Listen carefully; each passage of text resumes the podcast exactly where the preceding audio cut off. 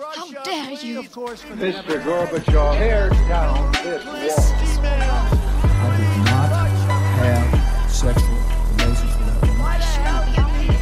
Read my lips. Hell yes, we're gonna take your AR-15. It's waking I have a dream. Thank you. Velkommen til en Uh, ny episode av eh, Statsvitenskap og sånt. Og eh, nå, Harald, nå har vi kommet oss tilbake til uh, basen. Vi har bytta bort uh, Chateau Borgerbund og kommet oss tilbake til eh, festningen i Østfold, nemlig eh, Høgskolen i Østfold. Ja, endelig. Det, det er jo tatt et par måneder nesten, så nå er det godt å være tilbake. Vi var, var jo i det rommet her, faktisk. Uh, er det 11, 12, 13. mars? 13. mars. Uh, og da var det, som da det braka løs med korona. Uh, så det gikk et par måneder, så er vi tilbake. Føles det godt? Ja, det føles alltid godt å komme på remmen. Det, det er som å komme hjem. Plantene dine har overlevd? Eh, ja, faktisk. Mm. Det ser sånn ut. Det er, eh, nei, men det er, det er jo egentlig go go godt å komme tilbake. Det er jo liksom spesielt, og det blir jo et spesielt, det ble jo et spesielt semester. Eh, alt digitalt, og det blir det, blir det neste semester òg. Litt annerledes hverdag for oss. Men eh, det betyr kanskje bare mer podkast. Selvfølgelig. Så- En, en dag uten uh, podkast er en dag uten mening. Mm. Rett, eh, eh, det er nettopp det. Men jeg tenkte vi kan jo starte Vi har, vi har måte hatt en liten pause. Vi spilte inn et par podkaster eh, sist eh, hjemme hos deg, Harald. Uh, Avslutta med en 17. mai-spesial. Jeg vet ikke om du så det i tittelen, men det var en spesial med Ja, to s-er. Det Så skulle bare mangle. For å understreke det. Uh, og det var jo um, Men det er jo for det, vi, Mai er jo en viktig måned for Norge. Med, altså, du får på en måte frigjøringsdag, og du får 17. mai, og ikke minst 1. mai.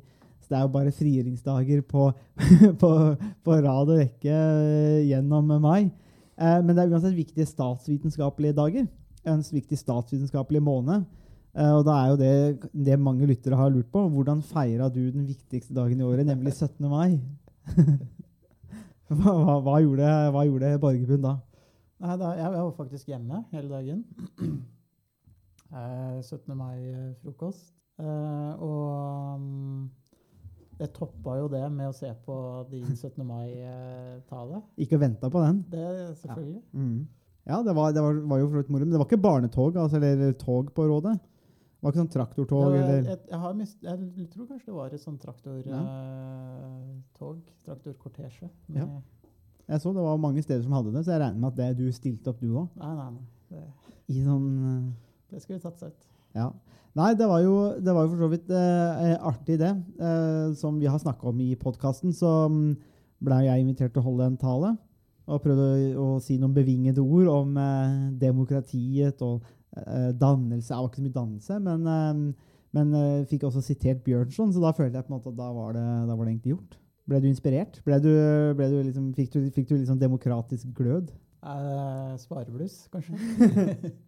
Eh, ja, eh, jeg tenkte vi kunne jo egentlig eh, snakke litt om, om talen din. Ja, hele podkasten, egentlig. Ja, faktisk. Kanskje, kanskje, kanskje vi skal ta de første fem minuttene av denne episoden her. De neste fem minuttene, kanskje de to neste episodene. Jeg foreslår egentlig at vi, vi, vi bruker de neste to månedene, hele sommeren, på å På- på analysere, denne. på å analysere Ja, for den er, den er rik. Det er, den er mett, metta med innhold. Jo, men det var jeg, jeg tenkte jo var- altså, eh, Hvis vi er litt mer alvorlige, så var det jo en spesiell 17. mai. Um, og det, eh, for det første så var det jo 75 år siden frigjøringen av Norge. Så det er jo en sånn merkedag. Eh, og så er det jo også den koronasituasjonen som vi står i. Eh, jeg synes jo det at det var litt, var litt spesielt å holde en tale, for vanligvis er det jo flere hundre mennesker der. Og i år så var det 50, for det var det som var eh, lov. Og det er en sånn spesiell situasjon å stå i. Det er noen ganger du, Nå har på en måte koronatida gått så langt at det er litt sånn merkelig noen ganger når du går i samfunnet så tenker du på en måte, på en måte hvordan er det de havna her? Vi snakker jo om det i podkast, men det er litt sånn spesielt. Og det var litt spesielt å ha det som tema i 17. mai-tallet nå. da. At det er jo for det er jo Hva skal vi si nå, det, er, det er- noe vi har snakka en del om òg, kanskje. Eh, nettopp det at det er jo veldig mange ord vi slenger rundt oss. Altså demokrati og solidaritet og dugnad og alle sånne ting. Eh, og mitt poeng var jo det at eh, i hvert fall i talen, da, hvis jeg kan bare oppsummere det kort, er jo det at eh, i hvert fall i år i 17. mai Vanligvis er jo sånne ord klisjeer nesten for å regne i 17. mai-taler. Mens i år så har vi på en måte havna i en situasjon hvor det faktisk ja, det, det krever noe annet av oss, da, på en måte. Uh, vet ikke hva du tenker om, om det, Harald. Altså, ikke, ikke nødvendigvis hva jeg sa om det, men nettopp det der med altså, en del av de ordene som blir klisjeer, versus det der på en måte, det faktisk omsette i praksis. da. Eh, når du står oppe i en krise. Uh, Syns du måte, vi har mestra det godt i Norge, eller er det, er det, er det bare oljepenga som gjør at vi surfer oppå? Altså, hvordan analyserer du på en måte den situasjonen nå? Uh, jeg tenker egentlig litt at uh, det med uh, begreper og ord som kanskje mister noe betydning, eller endrer betydning eh, over tid, de blir jo institusjonaliserte ritualer eh, institu institusjonaliserte begreper som, som vi bruker ofte. Og mm, det som er fordelen med den type begreper, er jo nettopp det at vi kan bruke de som en slags refleks, og Mm. som en slags uh, posisjon som vi går tilbake til når, eh, når vi står i, eh, i kriser, sånn som vi har gjort de siste, siste månedene, eller eh, for, eh, for 80 år siden, da andre verdenskrig startet. Mm. Så det som er fint med det, er jo at vi, selv om de kan kanskje miste noe av betydningen og bli litt sånn døde som begreper i perioder, så kan vi også vekke de til, til live igjen. Og det eh, vi kanskje til, de, til dels gjort i, eh, i år. Og du var jo litt inne på det i din eh, 17. mai-tale også, og, Mm. hvor du hadde en del refleksjoner rundt hva 17. mai betyr uh, i dag, og hva 17. mai altså hva meningen uh, har, har vært over tid, og hvordan eh, betydningen av 17. mai har endret seg over tid. eh, over de siste to, 200 årene. Egentlig så har det jo fått en helt annen betydning. Mm. Ja, det har jo det, og det vil jo kontinuerlig endre seg òg. Det var jo noe i hvert fall jeg eh, legger vekt på. Det jo, det, og det er jo en, en viktig ting i statsvitenskap og faget vårt òg, at det er jo lite som er statisk. eh, og på en måte satt i stein. altså Samfunn og ting er jo i endring. og Du som skriver og, og jobber mye med demokrati, er jo egentlig et godt eksempel. da. Hvordan demokratiet, måtte, Ideen har vi jo hatt med oss ganske lenge, men hvordan vi har operasjonalisert det eller gjennomført i praksis, er jo ja, det varierer jo i veldig stor grad. Ja, for altså, Begrepet demokrati er jo et uh, gammelt gresk ord som, uh, som har vært brukt da i nesten omtrent 2500 år. Mm. Uh, og det betyr jo sånn direkte oversatt folkestyre. Men den styreformen vi kaller demokrati i dag, er jo på mange måter ikke et folkestyre i den bokstavelige forstanden Mm. som, som begrepet antyder. Ofte så, så bruker vi jo nettopp de begrepene som folkestyre, folk skal bestemme, folkets vilje osv. Mm. når vi snakker om demokratiet.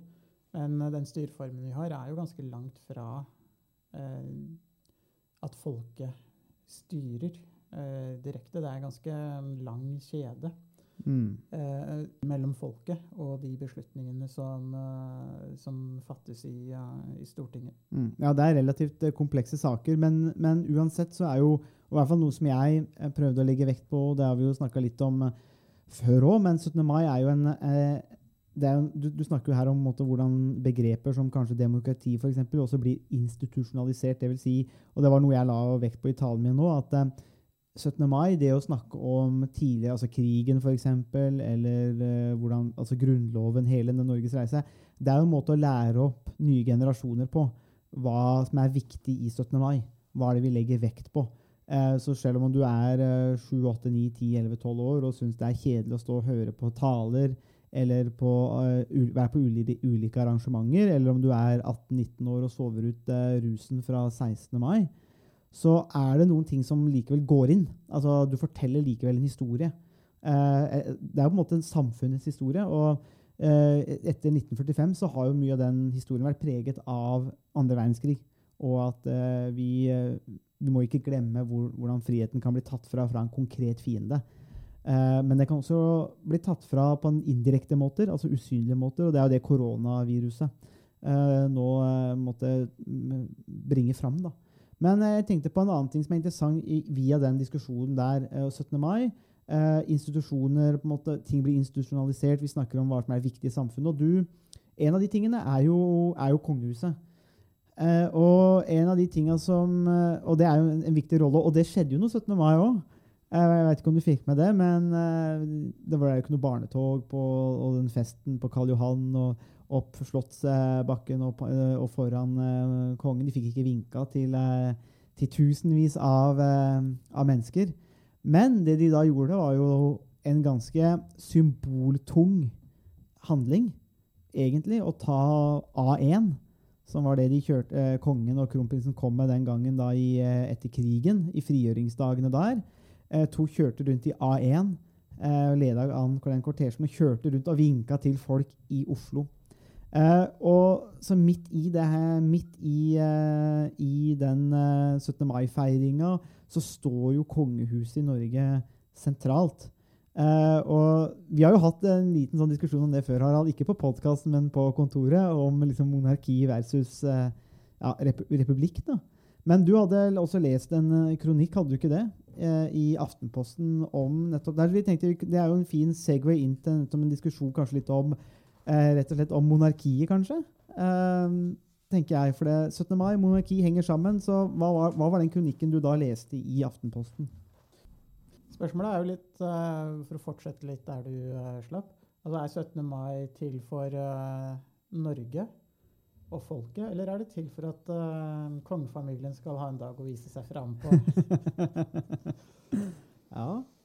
Og det, det som alltid har undret meg litt, det er hvor lite diskusjon vi egentlig har hatt om uh, kongehusets rolle i, uh, i Norge. Uh, og det har alltid overrasket meg at kongehuset har så sterk støtte. For Norge omtaler seg som et demokratisk land, og vi skal vektlegge demokratisk danning i um, skolen og samfunnsfaget. Og demokrati blir sett på som en norsk grunnleggende verdi. Mm. Eh, og likevel så har vi en, eh, et statsoverhode som ikke er valgt. Og vi har en, et monarki som er en uh, udemokratisk uh, styreform. Mm. Eh, og det, det har alltid overrasket meg at folk ikke er mer opptatt av å diskutere de prinsipielle sidene ved å ha monarki. Mm. Eh, og i, eh, i dagens Aftenposten så eh, står 27. mai, altså, for Ja. referanse. Ja, det er viktig. Så står det en veldig eh, godt skrevet eh, kort kronikk av en eh, 14-åring, Oleanna Utgård Weltzien, eh, som, eh, som handler om eh, de gode argumentene mot konge, kongedømme, mot monarki. Oi, oi, oi. Eh, og um, Du er enig, altså? ja, altså jeg, jeg kan jo eh, kan innrømme at jeg er republikaner. det, det, det har folk skjønt nå. Det, det skal Det innrømmer du åpent. Ja, jeg kan komme ut av eh, skapet nå. Ja. Men hva, hva, var, no- hva var noen av de argumentene som hun trekker fram? Ja, Noen av argumentene som trekkes uh, fram, og som jeg syns er veldig eh, godt formulert, er jo nettopp det at kongedømmet som, eh, som en styreform går jo i arv. Mm. Og det innebærer at man får en veldig privilegert eh, samfunnsposisjon eh, uten at det er noe konkurranse om det. Mm. Eh, Så eh, det vil være umulig for oss vanlig dødelige å eh, noen gang stå på Slottsbalkongen og vinke til barnetoget. Der røyk den drømmen. Dessverre. Ja. Og det er jo uh, urettferdig. Og det bryter mot den sterke egalitære og likhetstankegangen som vi har i, eh, i Norge. Mm. I, I tillegg så mottar eh, kongefamilien eh, relativt eh, sjenerøse bevilgninger Mm. fra det norske folk gjennom Stortinget. Mm. Apanasjene. Apanasje eh, de fikk eh, i, eh, i 2019 eh, fikk kongeparet 12,1 millioner i apanasje. Så det er jo da 6 millioner til, eh, til hver.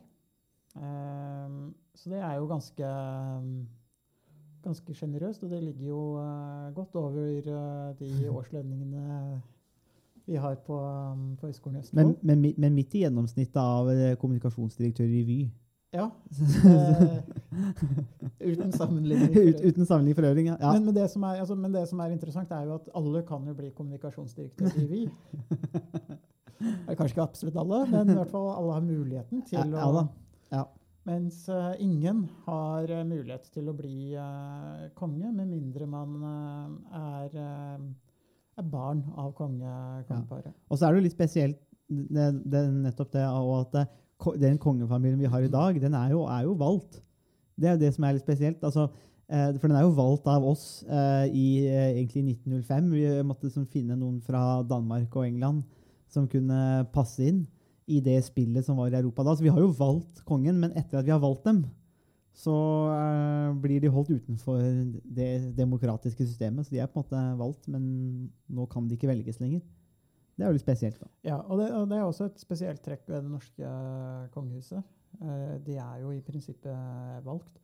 Og det reiser jo et interessant demokratisk spørsmål. Kan, et, eh, en, kan et demokrati velge å innføre udemokratiske prinsipper eller udemokratiske statsformer og, og lover? Og det er jo et, eh, et prinsipielt interessant spørsmål. Det, og det kan de jo, eh, egentlig.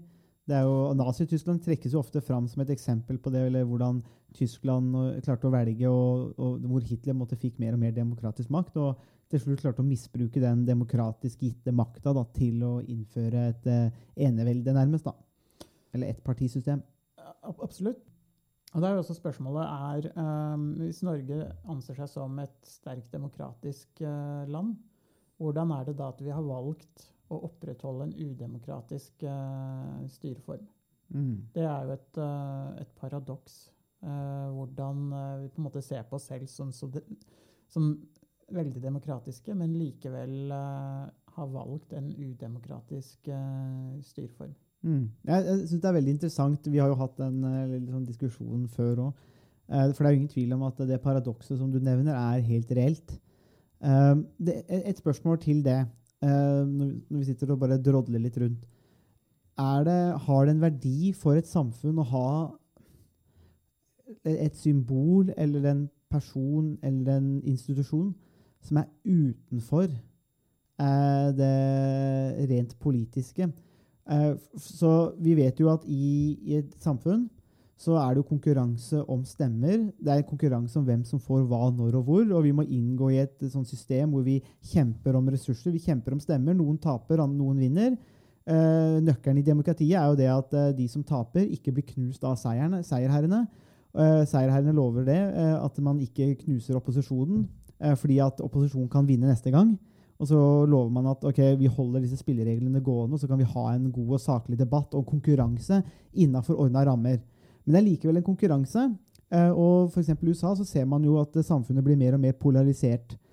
Er man republikaner i dag, så må du nesten hate demokrater. Og er du demokrat i dag, så må du nesten hate republikanere. Eh, og Trump er jo statsoverhode og alt i ett. Og i en del amerikanske miljøer, bl.a. de libertarianske, så snakker de jo om king president og the imperial president. Altså det, har- fått så mye makt. Og så når da en person er så polariserende og splittende, så blir det veldig ehm, det blir veldig ødeleggende for samfunnet. Så eh, et spørsmål jeg har der, er det en viss, har kan det ha en verdi for Norge f.eks. å ha et statsoverhode og en kongefamilie? Ja, de er privilegerte på en måte som er veldig unorsk. Samtidig så kan de krysse på en måte alle partilinjer da, eh, og, og, og skiller i samfunnet, fordi at de tar ikke side. De er ikke definert et politisk parti. De har ikke en familie eller sånne ting. De er på en måte bare Norge, da. Hva tenker du om det?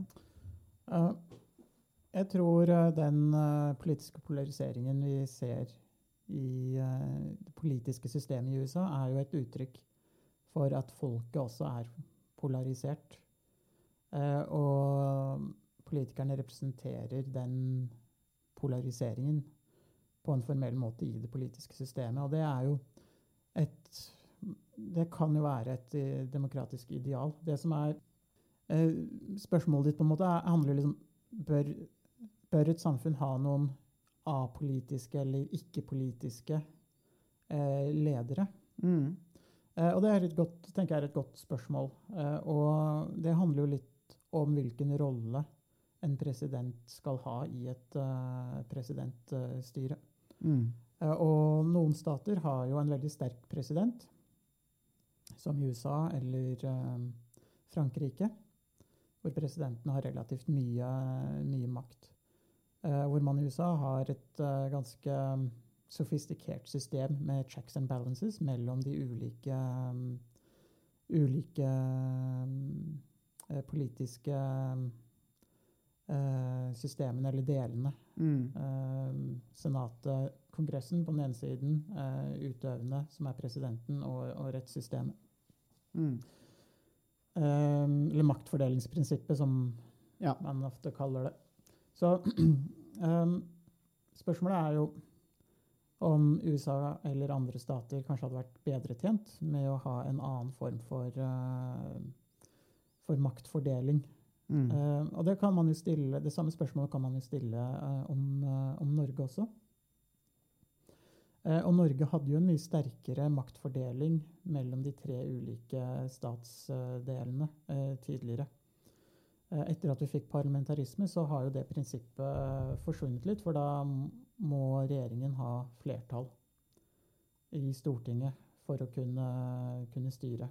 Eller de Mm. kan, de kan styre helt til de får eh, flertall mot seg, eh, Mm. sånn som det praktiseres i, eh, i Norge. Eh, men jeg vet ikke helt Jeg, jeg tenker at eh, det, er, eh, det handler om to ting. Det ene er hvilken rolle en president skal ha. Men om en president skal ha en sterk polit, politisk rolle, utøvende rolle, eller om presidenten skal ha en mer eh, tilbaketrukket uh, rolle. Mm. Kongefamilien i dag har jo en mer tilbaketrukket rolle, hvor de er en slags ambassadørfamilie for uh, Norge. Mm.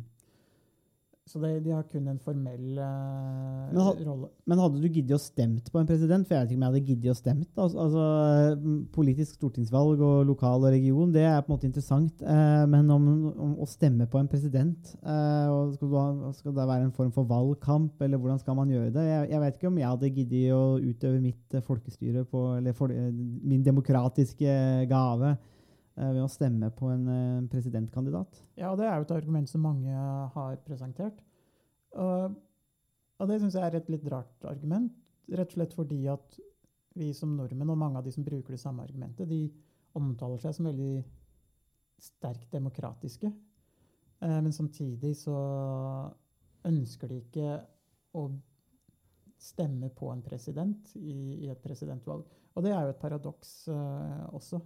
Ja, men så tenker jeg liksom at kanskje det henger sammen med noe av det du har snakka om før òg. At eh, vi har ikke mulighet til å interessere oss for alt, og vi kan ikke bruke tida vårt på alt. Mm. Eh, så vi velger noen få ting, og det er så vidt vi drar oss opp på sofaen for å stemme i stortingsvalg.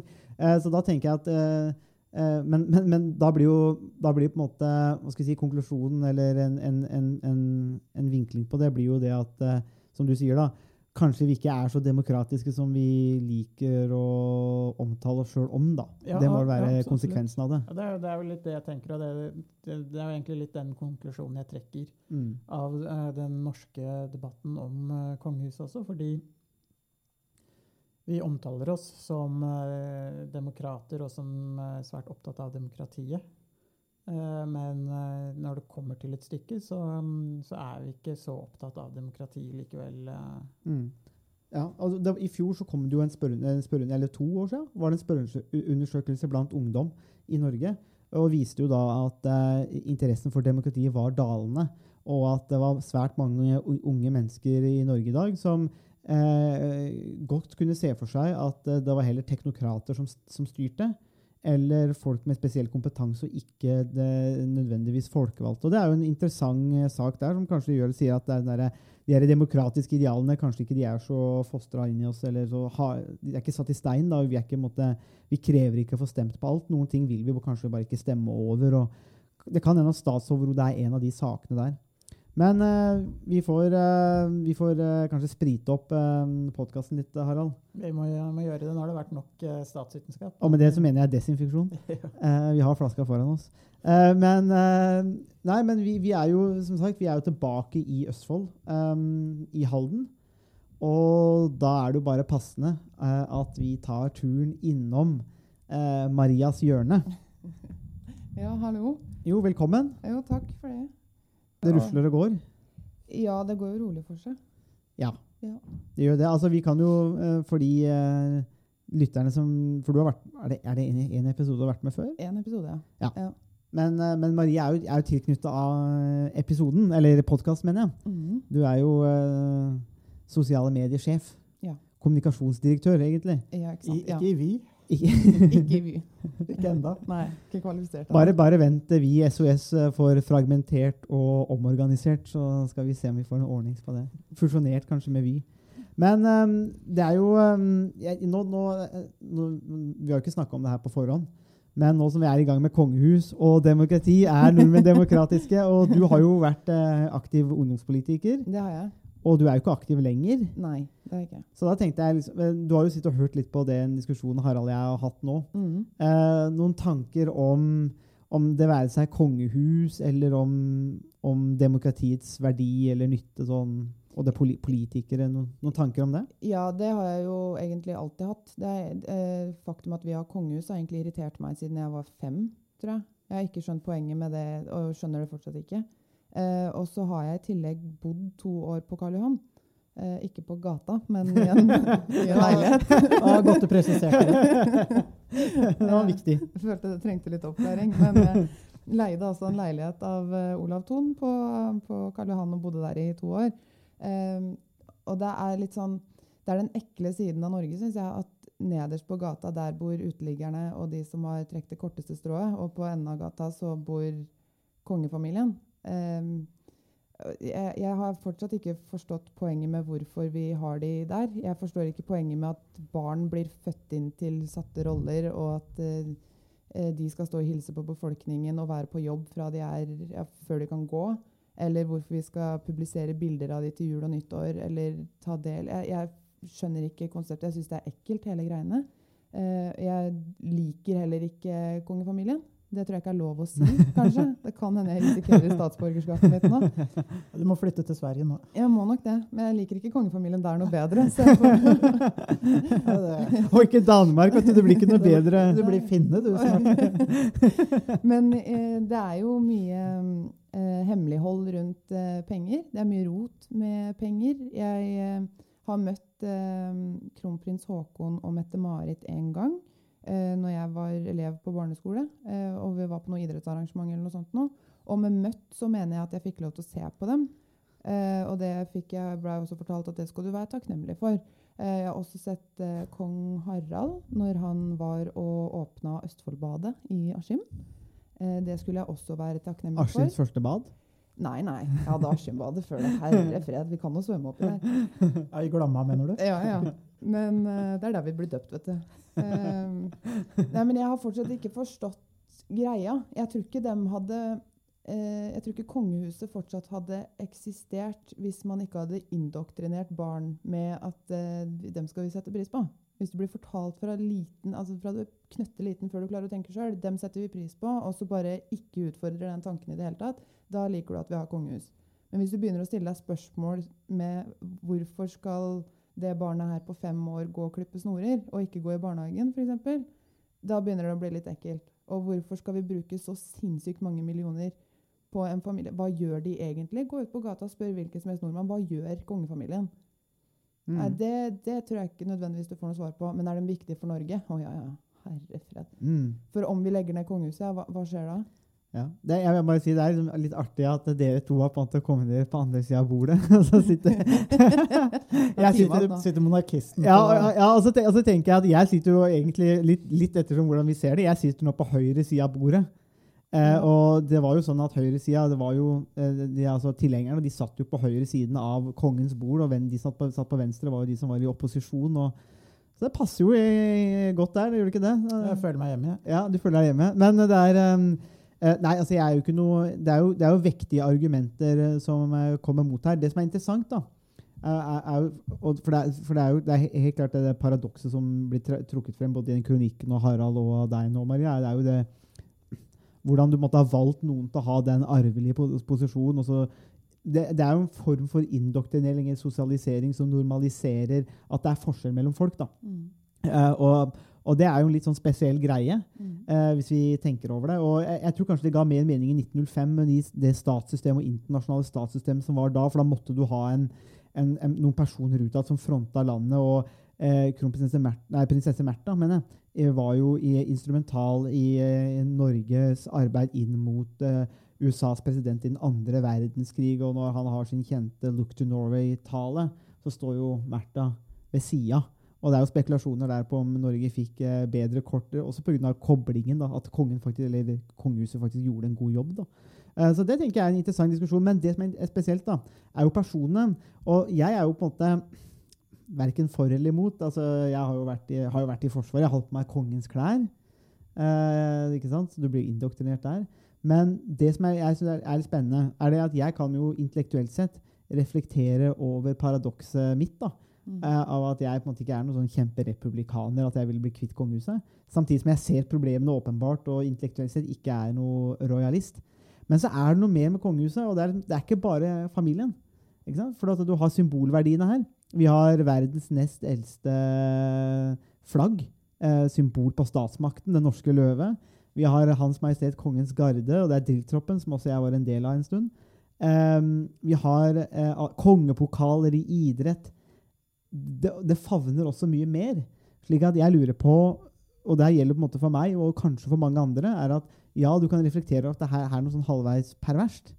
Samtidig så har det en del andre sosiale, institusjonelle ting som kommer med det, som gjør at det er en sånn totalpakke. Da. Det handler ikke bare om personene, men det handler om totalpakka. Jeg vet ikke hva dere tenker om det. Jo, jeg, jeg tenker du beskriver det på en god måte. Og um, jeg tenker Syns du? Eh, Ja, jeg tenker det er veldig problematisk. Fordi Ja. det, du, det du egentlig beskriver, er jo hvordan kongefamilien har markedsført seg selv Mhm. og skapt de mytene og den institusjonen de har blitt. Det er jo bare Eh, merch, Det er liksom. jo, ja, det er, altså Kongepokalene er jo merchandise. Ja. Bare Men- litt og- eksklusivt. Og flagget endrer seg jo ikke om vi ikke har kongefamilie.